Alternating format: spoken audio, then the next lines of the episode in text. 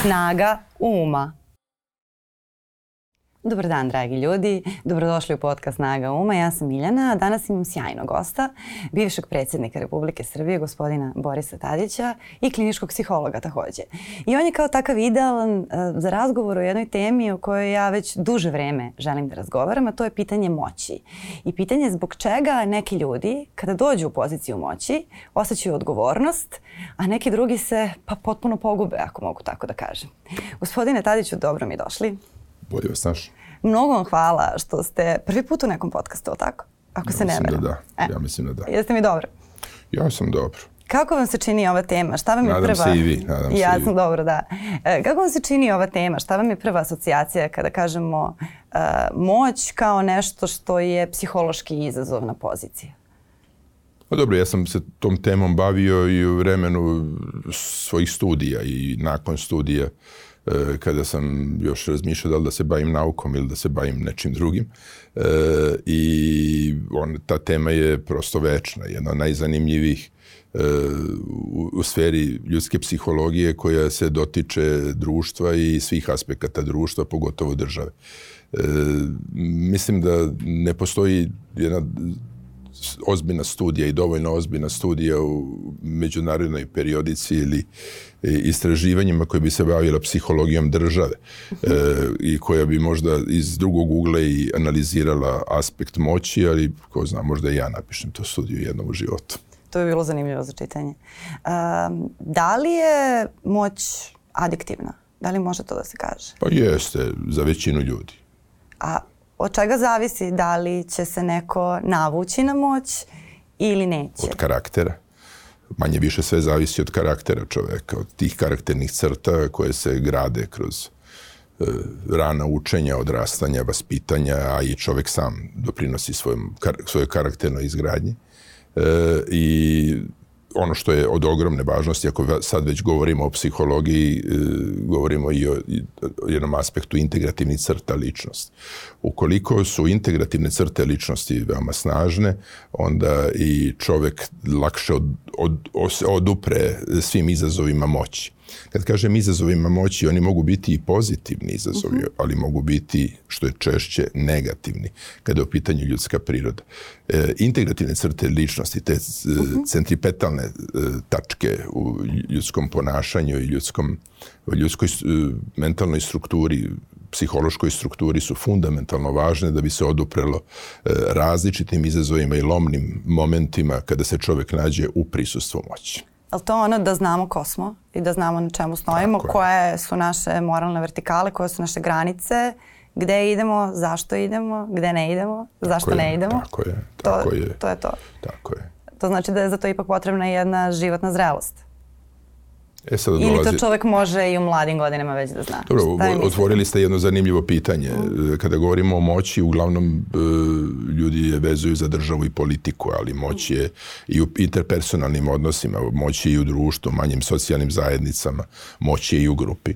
Da. E, I moć e, je direktno vezana i za pitanje autoriteta koji može imati više svojih e, oslonaca. Je, može biti, na primjer, autoritet znanja, može biti autoritet porekla, može biti autoritet fizičke sile, autoritet pretnje, E, evo ja sada da samo listam različite forme autoriteta, pa time i moći, e, koje su naslonjene na pitanje autoriteta e, i onda možete već i u sferi politike da pronađete različite tipove za sve ovo što sada govorim.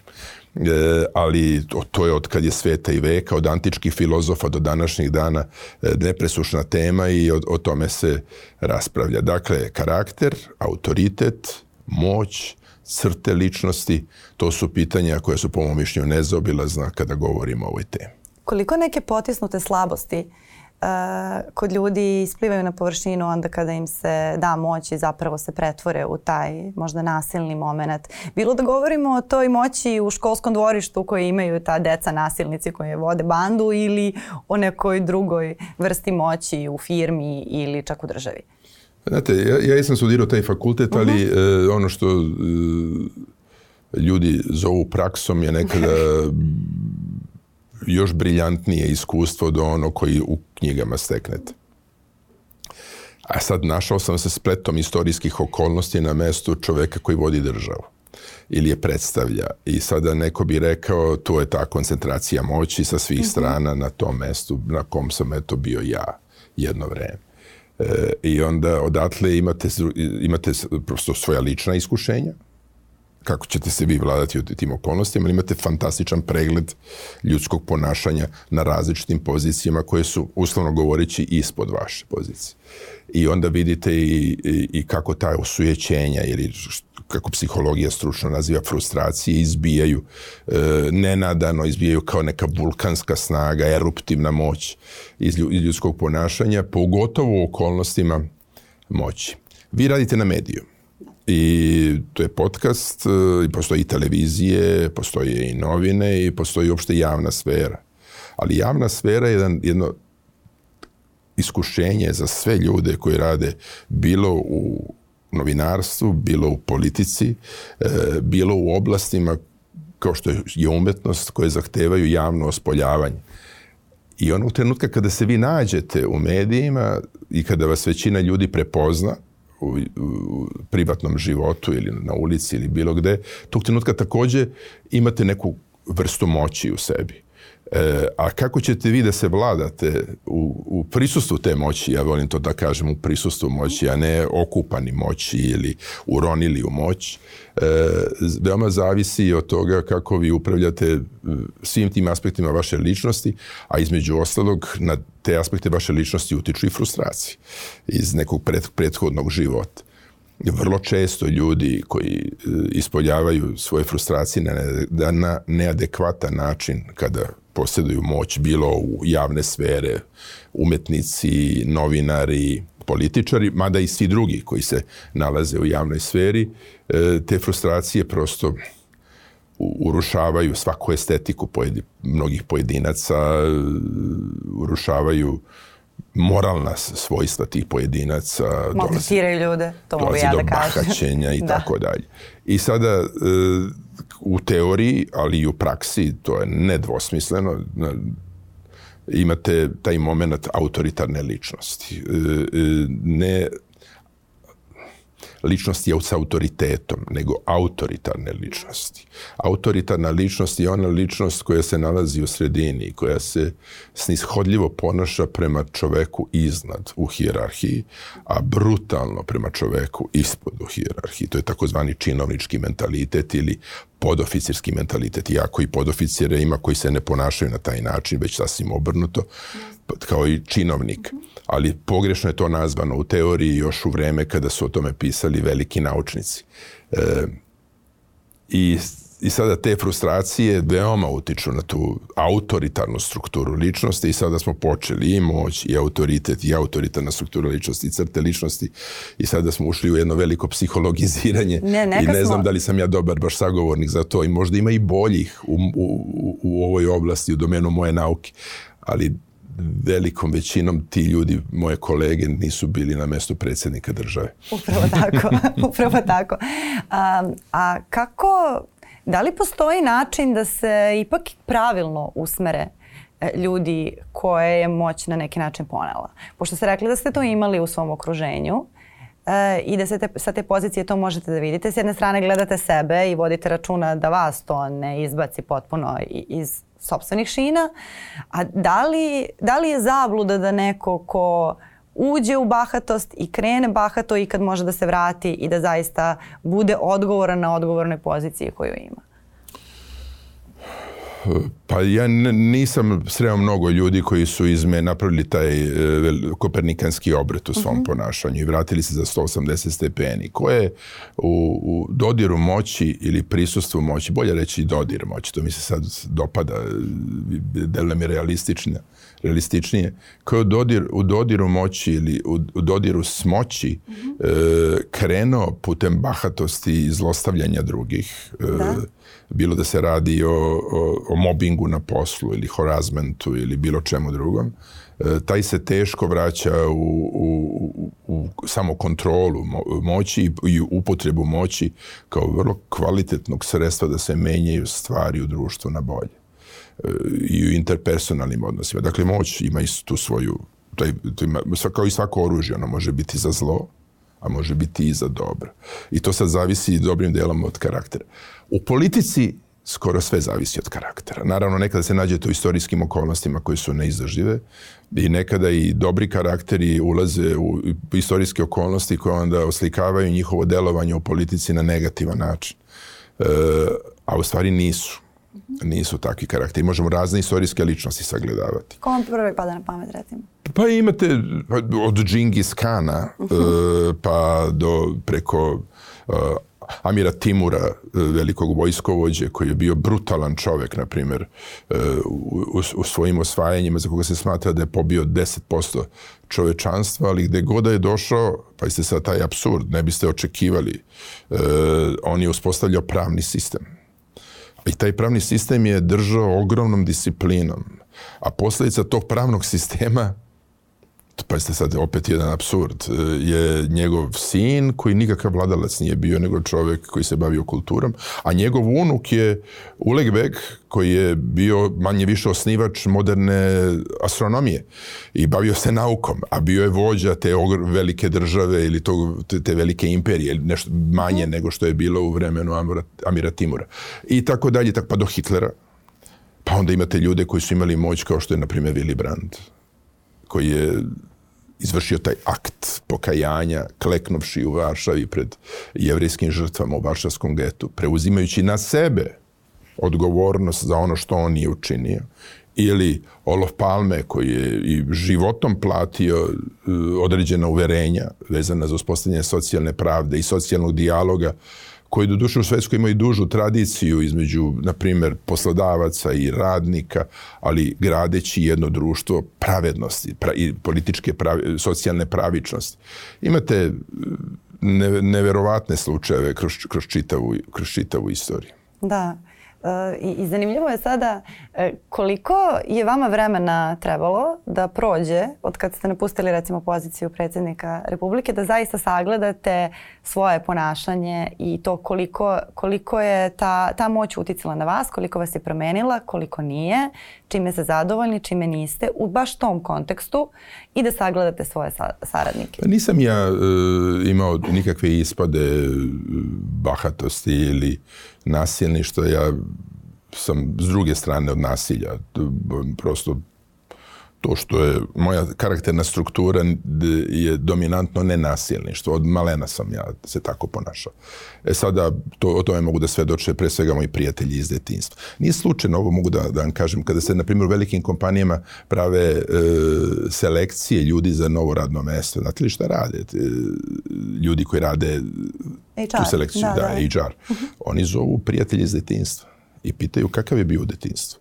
To je od testova ličnosti i sposobnosti u realnom vremenu nekada važnija informacija do onoga šta vi možete da uradite u tom trenutku. Jer to kakvi ste bili u detinjstvu svedoči o vašim potencijalima. Čak i ukoliko nešto ne znate ovog trenutka, ali ako, ukoliko je vaša mentalna struktura ili karakterna struktura takva da ste pomagali ljudima, da ste bili socijalni u detinjstvu, pretpostavka je da to ostaje kroz čitav život i da možete da nadomestite čak i određene nedostatke e, tim e, bitnim e, detinjim svojstvima.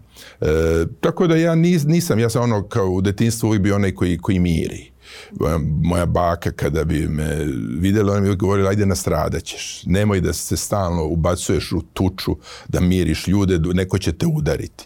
Nastradaćeš i toga se sećam odlično. I ja možda sam i nastradao u stvari e, na, na, na određeni način, ali ja sam stalno taj neki pomiritelj u, uvek bio u svim tim različitim situacijama. E, tako da, e, eto, to je, to je eto, nešto što je mislim, bilo svojstveno meni.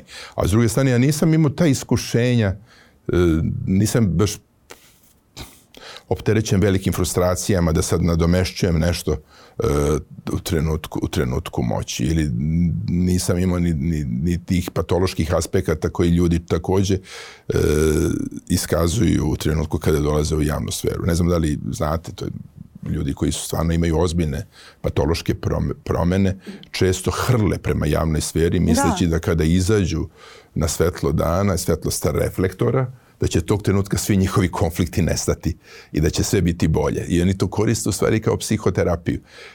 Najstrašnije, kontra, najstrašnije kad se to desi u da. politici. Znate, to imate i u novinarstvu. U Srbiji imamo, danas da. imate i u novinarstvu Baš imamo. takve slučajeve. Baš imate imamo. ljude koji u novinarstvu baš e, imaju jedno ozbiljno e, samo iscelenje ali maltretiranje zajednice kroz svoj, kroz svoj način ponašanja na dnevnom nivou imate neke, neke novinare koji to rade da prosto ne možete da verujete da, da su uopšte dobili pristup medijima već trebalo bi da budu ljudi kojima je potrebna pomoć ali imate i u sferi politike ljude kojima je stvarno potrebna pomoć a oni e, realizuju neke svoje aspekte ličnosti evo sad je došlo vre, moje vreme tako, tako oni rezonuju i, i onda kreće, kreće zlostavljanje zajednice u stvari ali to to vam je, to je da. svugde u svetu, to je kroz istoriju čovečanstva od Nerona do današnjih dana. Je li to taj moment da je ludost uvek motivisana, a, a da je znanje uvek malo depresivno i da je spoznaja malo depresivna i da zbog toga će uvek onaj, nazovi luđi, biti brži, zato što ako je, je takva trka. Zato što, zato što je onaj deo ličnosti koji je zadužen za ludost prepun energije, on je mnogo jači i moćniji. E, deo ličnosti koji je zadužen za iracionalnost je sa stanovišta teorija ličnosti da. neuporedivo jači od dela ličnosti koji je racionalno. Dobro, i biološki gledano mozak manje. Pa ne, drugačije, drugačije da, da. to kako kad 1 prema, prema 200. Znate, znači 200 je jedinica snage na, na, na strani ludosti u odnosu na stranu racionalnosti. Ostalom o tome je Razmo Rotterdamski pisao e, svoju pohvalu ludosti E, a, e, a i mnogi drugi svedoci vremena, svako u svom dobu, je makar taj aspekt e, ludosti a, a, ažurirao. Vladavina ludosti je velika tema. Vladavina ludosti je tak, tam, istorija vladavine ludosti je istorija čovečanstva. I ne znam da li je e, snažnija i dominantnija vladavina ludosti ili vladavina normalnosti kroz istoriju čovečanstva.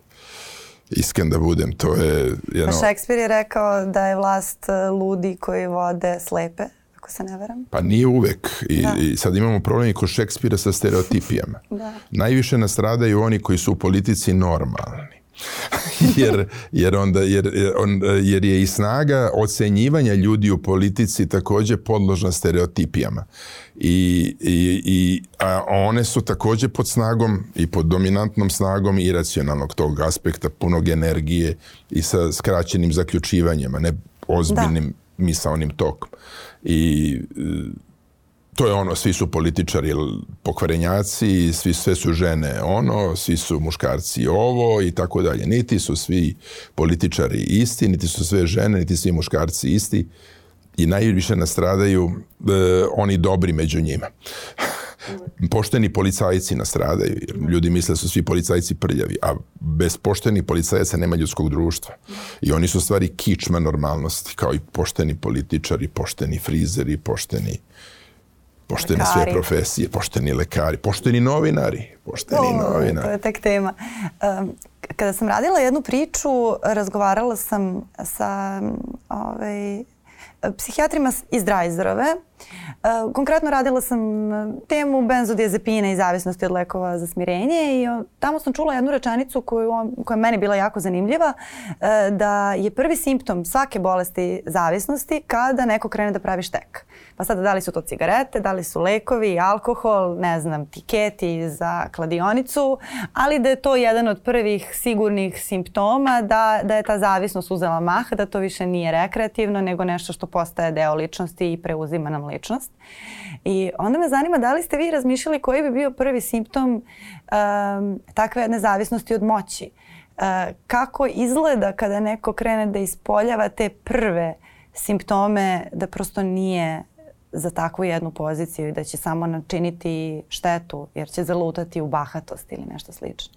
Pa e, ima tih e, ranih signala koje ljudi ispoljavaju, mhm. emaniraju. E, e, i pre nego što dođu u poziciju moći i kada bi građani, birači, bili u stanju da i detektuju, to bi bilo jako korisno. I sad kada bi još s druge strane, ako ne mogu sami građani da i detektuju, kada bi e, takozvani analitičar ili novinar ili mediji detektovali te signale i upozoravali ljude, vodite računa o tome, bilo bi vrlo korisno. Naprimer, uh e, mhm. -huh. ljudi e, koji preterano govore o svojim vrlinama. Dobro. Nema e, logike. Pogotovo kada dođu u situaciju moći. Govori o svojim osobinama.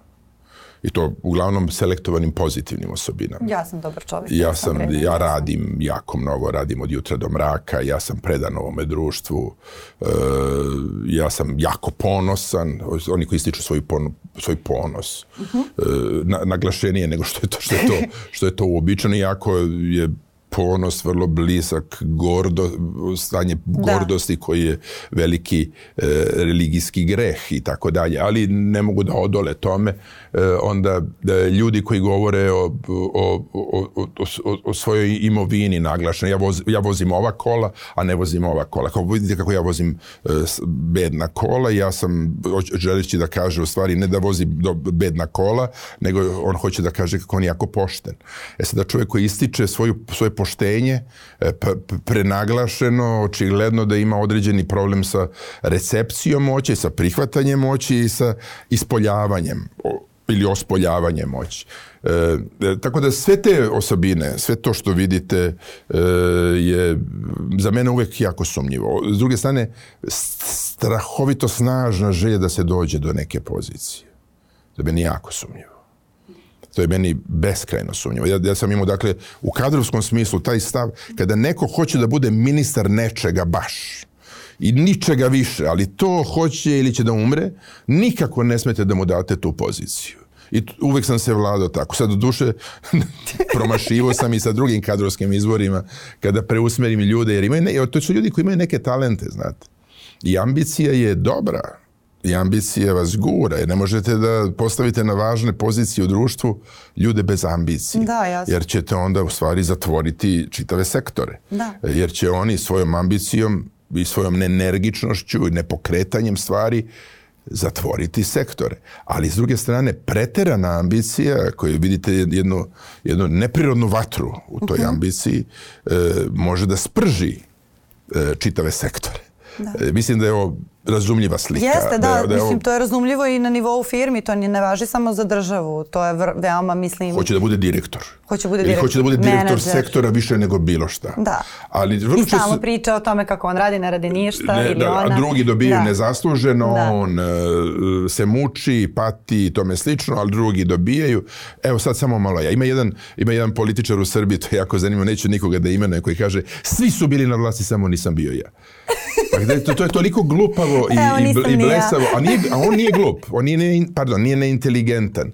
Ali kaže, svi su bili na vlasti, samo ja nisam bio i to mu je glavna teza u razlogu, obrazlazoči zašto on sada treba da pobedi na izbori. I to, je, e, i to mene posjeća na, to mene posjeća na, na, na, na to su velja maratonci e, i sada kada, kada e, Kristina e, svira klavir, znate, da? u bioskopu, dok je nemi film, a kada e, e, Bora Todorović dovodi prvi put e, zvučni film i sada Kristina gubi posao. I sada e, Bogdan Diklić u jednom trenutku ustaje i kaže a sad malo ona. e sad malo, to mene podsjeća na, na, na, na takvu atmosferu. Baš je kao sve iz maratonac. Ma u stvari sve je to i ispisano u, u sjajnim komedijama i, i, i već opisano u odličnim naučnim delima i u istoriji filozofije, države, prava, politike e, i ali ja ipak najviše volim sve te sublimacije u, u, u, u kulturi, u, u duhovitosti, u komedijama, ali problem je nekada kada je život u, u politici toliko komičan, uh, a istovremeno ostavlja tragične posljedice, da. da ne možete više ni da se nasmejete. Ali to kada taj političar kaže svi su bili, samo ja nisam bio, To je, dakle, poslednji argument da on bude, jer bi neko rekao, pa sad čekaj, ti si znači bio najnesposobniji, koliko godina si čoveče u ovom poslu, pa ti jedini nisi uspeo. Pa dokle da pa ni... ja Šoljiću da budem niži referent. Dokle ja Šoljiću da budem niži referent, tako je. A on, evo, samo što nije i gori, vidite, gori, gori, gori, gori, gori i postoji opasnost da izgori, znate. Da. I meni, je, meni, je, meni su ti ljudi simpatični, a s druge strane mi ih imalo, imam empatije pa mi ih je žao, jer mogu da pa zamislim kako je to gorenje. E sad ima i oni ljudi koji, kojima to nekako sve to padne u ruke, hteli ne hteli, da neki istorijski splet okolnosti ili ne znam, ili imaju tu, tu, tu, tu neku obdarenost ili nešto, ne, ne mogu, čak i nauka nešto ne može da objasni. Ali tek onda oni izazivaju veliku mržnju kod oni koji, e, koji su osujećeni nedolaženjem, odnosno bivajući nižim referentom čitav svoj život, simbolički gledan. Znate šta mi je recimo zanimljivo jako sada dok, do, mi dok govorimo verujem da, da nismo otkrili Ameriku, da, da ljudi veoma dobro mogu da prepoznaju u svom okruženju i u političkom životu takve ljude. I da, ne znam, meni, menadžeri velikih kompanija, ajde da, da uzmemo te neke stvari koje su lakše smenjive od politike. Politika je dosta komplikovana i ima mnogo tu faktora. Uh, vrlo dobro znaju da prepoznaju te ljude koji imaju tu nezdravu vatru A opet ti ljudi ostaju i uništavaju svoje timove kroz mobbing, kroz ubijanje u pojam, kroz sve i to se ne menja. Zbog čega, zbog čega je to toliko teško? Zbog čega je toliko teško nekome ko je tako agresivno vatren? Jednostavno reći, aj sklani se.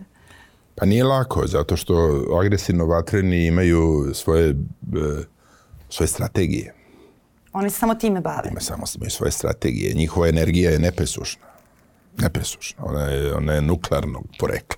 I onda je, i onda je e, njihova energija na svakom koraku takva i u socijalnim odnosima, u, e, u interpersonalnim relacijama u kompaniji, u firmi e, ili u državnom aparatu i onda oni postavljaju e, svoje strukture koji brane E, stavljaju utisak da bez njih ne može. Jer to je glavni mehanizam. Bez Kao nas... u partnerskom odnosu, Tako isti je, to je isto, be, be, isti model, da te isti. ogradim, da ne komuniciraš, da sam ja... Be, I bez mene ne može. Da. Nema ni egzistencije, nema ničega, nema ni topline, nema ni kuće, nema ni budućnosti. E, postave utisak da bez njih ne može, a istovremeno naprave e, zamke serije zamki koje sada neko ko je racionalni koji vodi sistem mora sve da prepozna. I vi umesto da vodite, na primjer, kompaniju državu uh mhm. -huh. ili ministarstvo ili, ne znam, opštinu, opštinu šta god, da. e, e, a to je težak i kompleksan posao, vi morate stalno da trošite energiju na pozadinske radove, da vidite ko vam šta radi iza leđa, jer koliko god vi osvojili sjajnih prostora, odličnih rešenja za svoje građane, zaposlene i tako dalje, E, uvek može mnogo više da se poruši iz, iza vaših leđa i te kada osvojite jedan prostor, okrenete se, onda vidite da je možda sve porušeno, šta su neki ljudi uradili zbog nekih svojih ludosti, osvećenja ili nekih ideja. Ovde ne govorimo o greškama. Greške su potpuno normalna stvar. Yes. I danas, danas u svetu, e, na primjer u svetu velikih poslova, velikih kompanija i država, kada neko napravi grešku, to samo po sebi ne podrazumeva kaznu jer bez greške nema ni uspeha e, to ljudi ne razumeju, ali e, postoji i određeni limit za greške i toga moraju da budu svesni koji su, oni koji su zaposleni, koji su činovnici ili koji izvršavaju određene poslove. E, ali ja ovde govorim o, o, o, o ne o greškama, ja ovde govorim o prosto jednoj destruktivnoj sili, destruktivnoj snazi. Znate, ljudi koji prosto ne mogu nego da, da, da, da krše, da ruše, da, a, a prave utisak da su oni e, konstruktivci. E, I u politici imate prosto. Razori svaku političku strukturu. E, jer to ne može da odoli tome. To, to je prosto jače od njega. Ili u, u biznisu, u kompaniji, u socijalnim odnosima.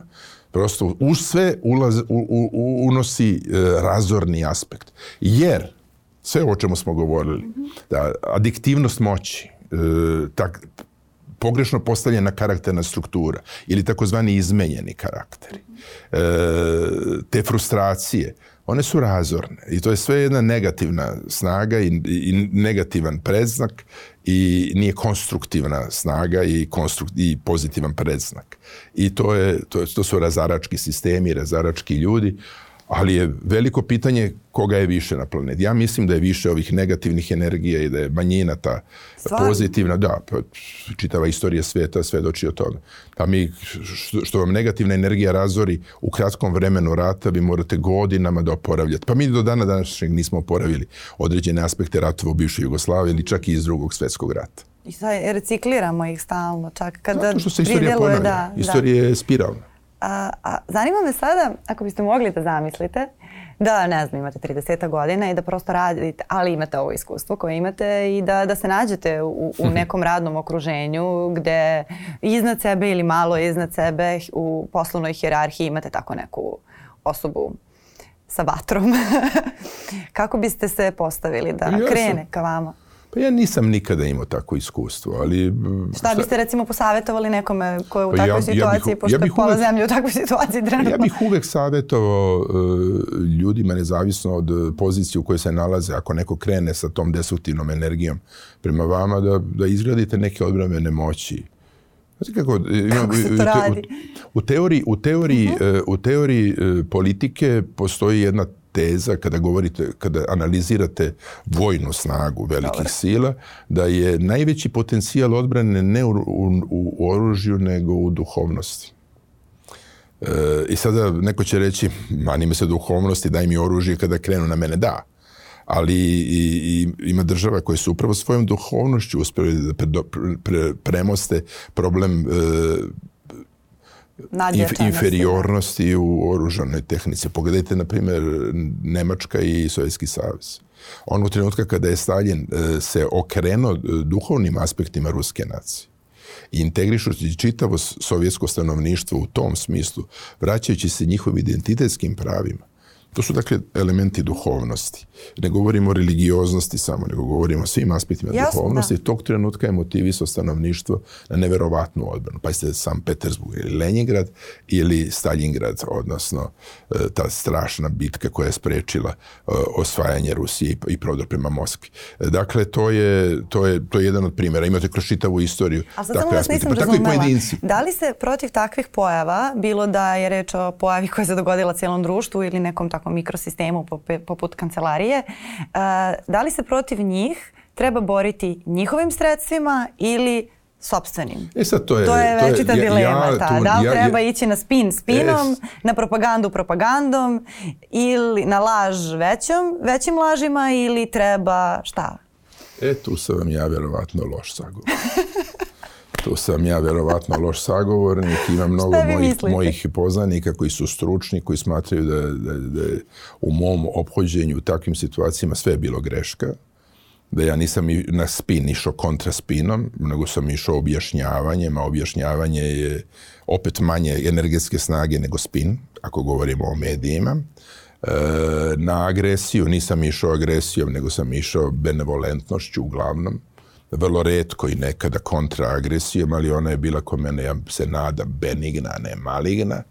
E, na, to i u državnim razgovorima, pazite, i to je, znači ja sam imao i državne razgovore u kojima onaj moj sagovornik pokušao da me stavi ne u poziciju manje snage, jer dolazi iz velike zemlje, nego i u poziciju poniženja, a kao istorijski nam je prijatelj.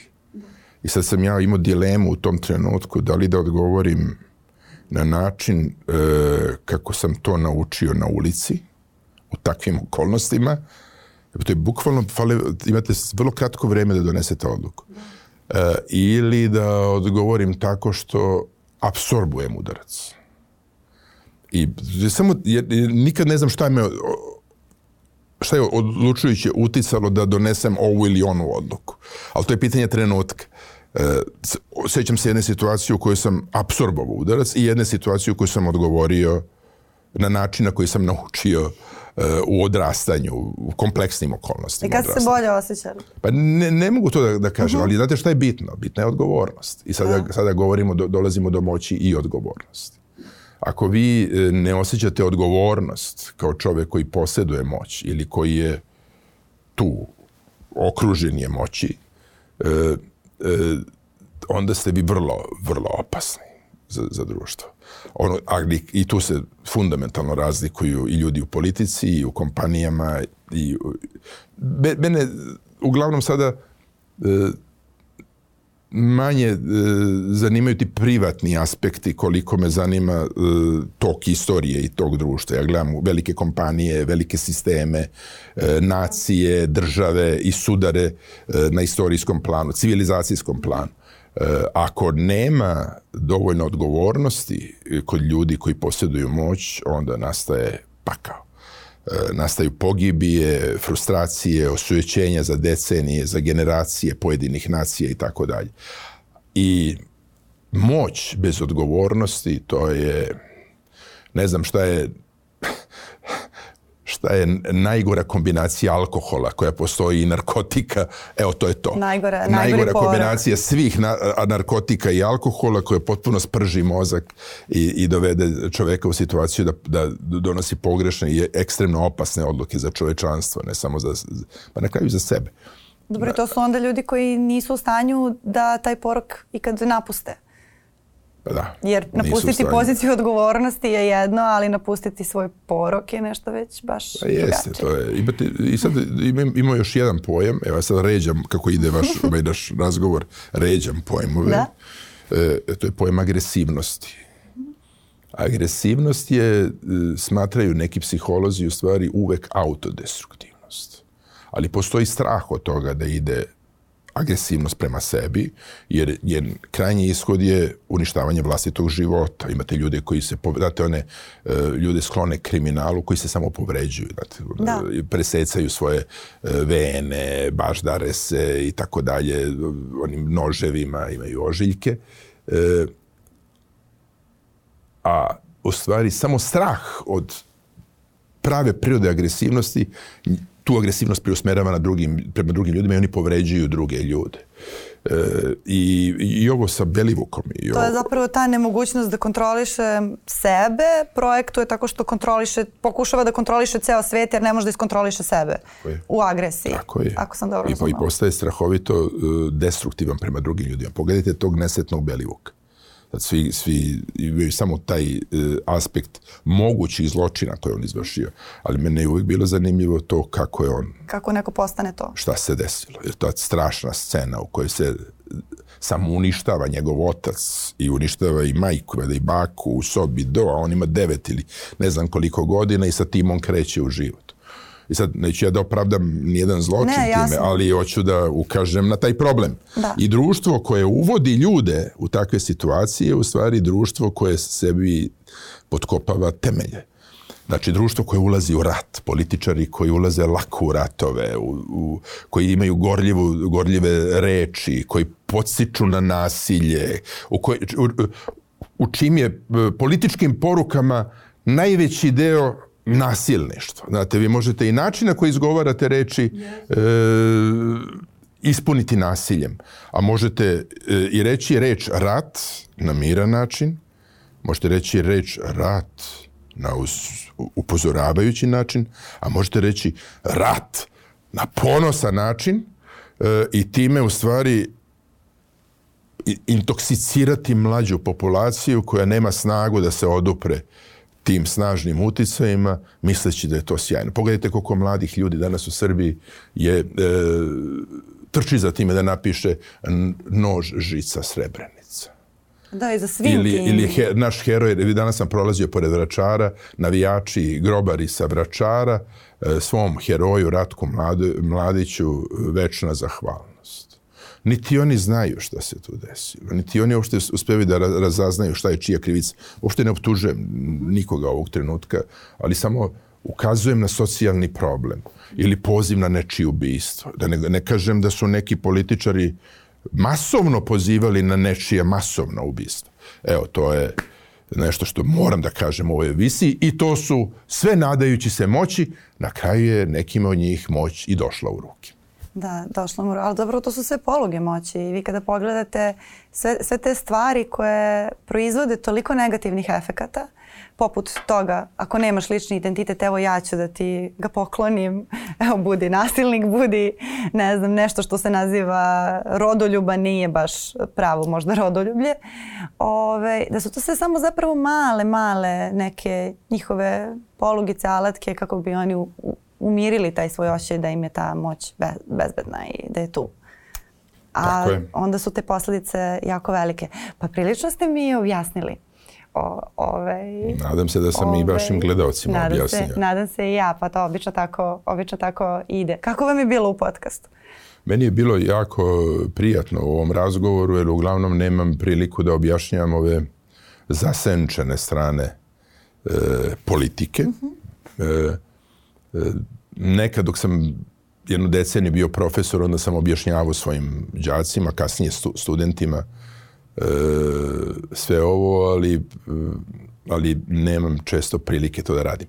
E, iako sam obavljajući dužnost šefa države, sad namerno to kažem da biste, da bi, da bi zaoštrio poziciju, e, u kojoj sam se nalazio u socijalnom smislu, ja sam u stvari vrlo često objašnjavao i ponašao se kao neka vrsta uh, psihologa. E, I ono što je sad zanimljivo, ja u stvari sam počeo da studiram psihologiju samo između ostalo zato što je to pitanje opšteg obrazovanja i zbog toga što mi se učinilo tada e, prateći e, život nekih za mene sjajnih ljudi, jednog advokata sa kojim sam kasnije ušao u sukob Srđe Popovića, koji je bio nosilac ideje belih listića, što mi je jako žao, bio je moj advokat kad su me hapsili iz političkih razloga na početku mog, moje, moje mladosti. Uh, i, i, i e, Dušan Makavev, naš, naš veliki režiser, oni su studirali psihologiju i to mi je bio dovoljan razlog da kažem, ok, idem na psihologiju, možda na, ne, neću morati da se opredelim da ću mor, baš morati time da se bavim. Ali na kraju se ispostavilo da sam postao psiholog, ali na nacionalnom nivou, ali ne, ne na individualnom, pokušavajući da pomirim ljude, da usmeravam E, te pozitivne energije i da obrazložim ljudima zašto je loše mrzeti druge ljude i zašto je opasno zloupotrebljavati moć. Posmatrajte kako se ljudi ponašaju pre nego što dođu do moći i kako govore o sebi, e, kako pokušajte, kažem sada ne samo vama nego i građanima, pokušajte da stavite e, ljude koji pretenduju da dođu u poziciju moći u kontekst moći. I kako bi oni sa svojim osobinama, na primjer spremnošću da optuže neko, lako, olako optuže nekoga, spremnošću da napadnu nekoga, da upotrebe jezik koji je neprimeren, se ponašali ili kako bi oni sa svojim frustracijama tipa ja sam bio sjajan, divan, krasa, najbolji i tako dalje, samo nisam imao priliku. E, dajem simbolički sve te situacije. Kako bi oni kao, e, kao e, ovaj, čuveni podjunak e, pored Šojića e, ili u, u kako, kako se zvao taj... Pantić. fantastičan je prosto i briljantan je i glumac. Pokojni Nikola, Nik, Nikola, Nikola Simić koji je bio jedan najbriljantniji naših glumaca kao i njegov brat Slavko. E, ili posmatrajte u stvari i ako ne možete da čitate knjige iz velike nauke ili, ili gledate neke podcaste u kojima se o ovome govori, posmat, gledajte filmove te naše tragične humorističke socijalne filmove, o njima sve, sve piše. I u Koto tamo peva, i u Maratoncima, i u, i u Radovanu Trećem, i u, i u, i u, i u Gutoviću, koji je koji mene jako kritikovao, koji je moj zemljak takođe i koga sam obožavao i koji je eto otišao i taman kad smo postali prijatelji. Ali Bože moj, šta da se radi? Posmatrajte to sve, tu se, tu se mnogo toga nalazi. I, i kada birate pokušajte da izaberete ljude koji nisu opasni. I to važi i za život, i za posao, i za politiku. O tome govorimo, o tome govorimo. Sve. Hvala vam mnogo Hvala na vam. ovom razgovoru. Nadam se da ćemo imati prilike ponovo da razgovaramo, sigurno imamo tema. A hvala, hvala. i vama na vremenu i pažnji. Sa mnom je danas ovde razgovarao gospodin Boris Tadić. Nadam se da ste čuli mnogo toga što ćete moći da upotrebite. Ja sigurno jesam, a mi smo tu i sledećeg ponedjeljka. Prijetno. Thank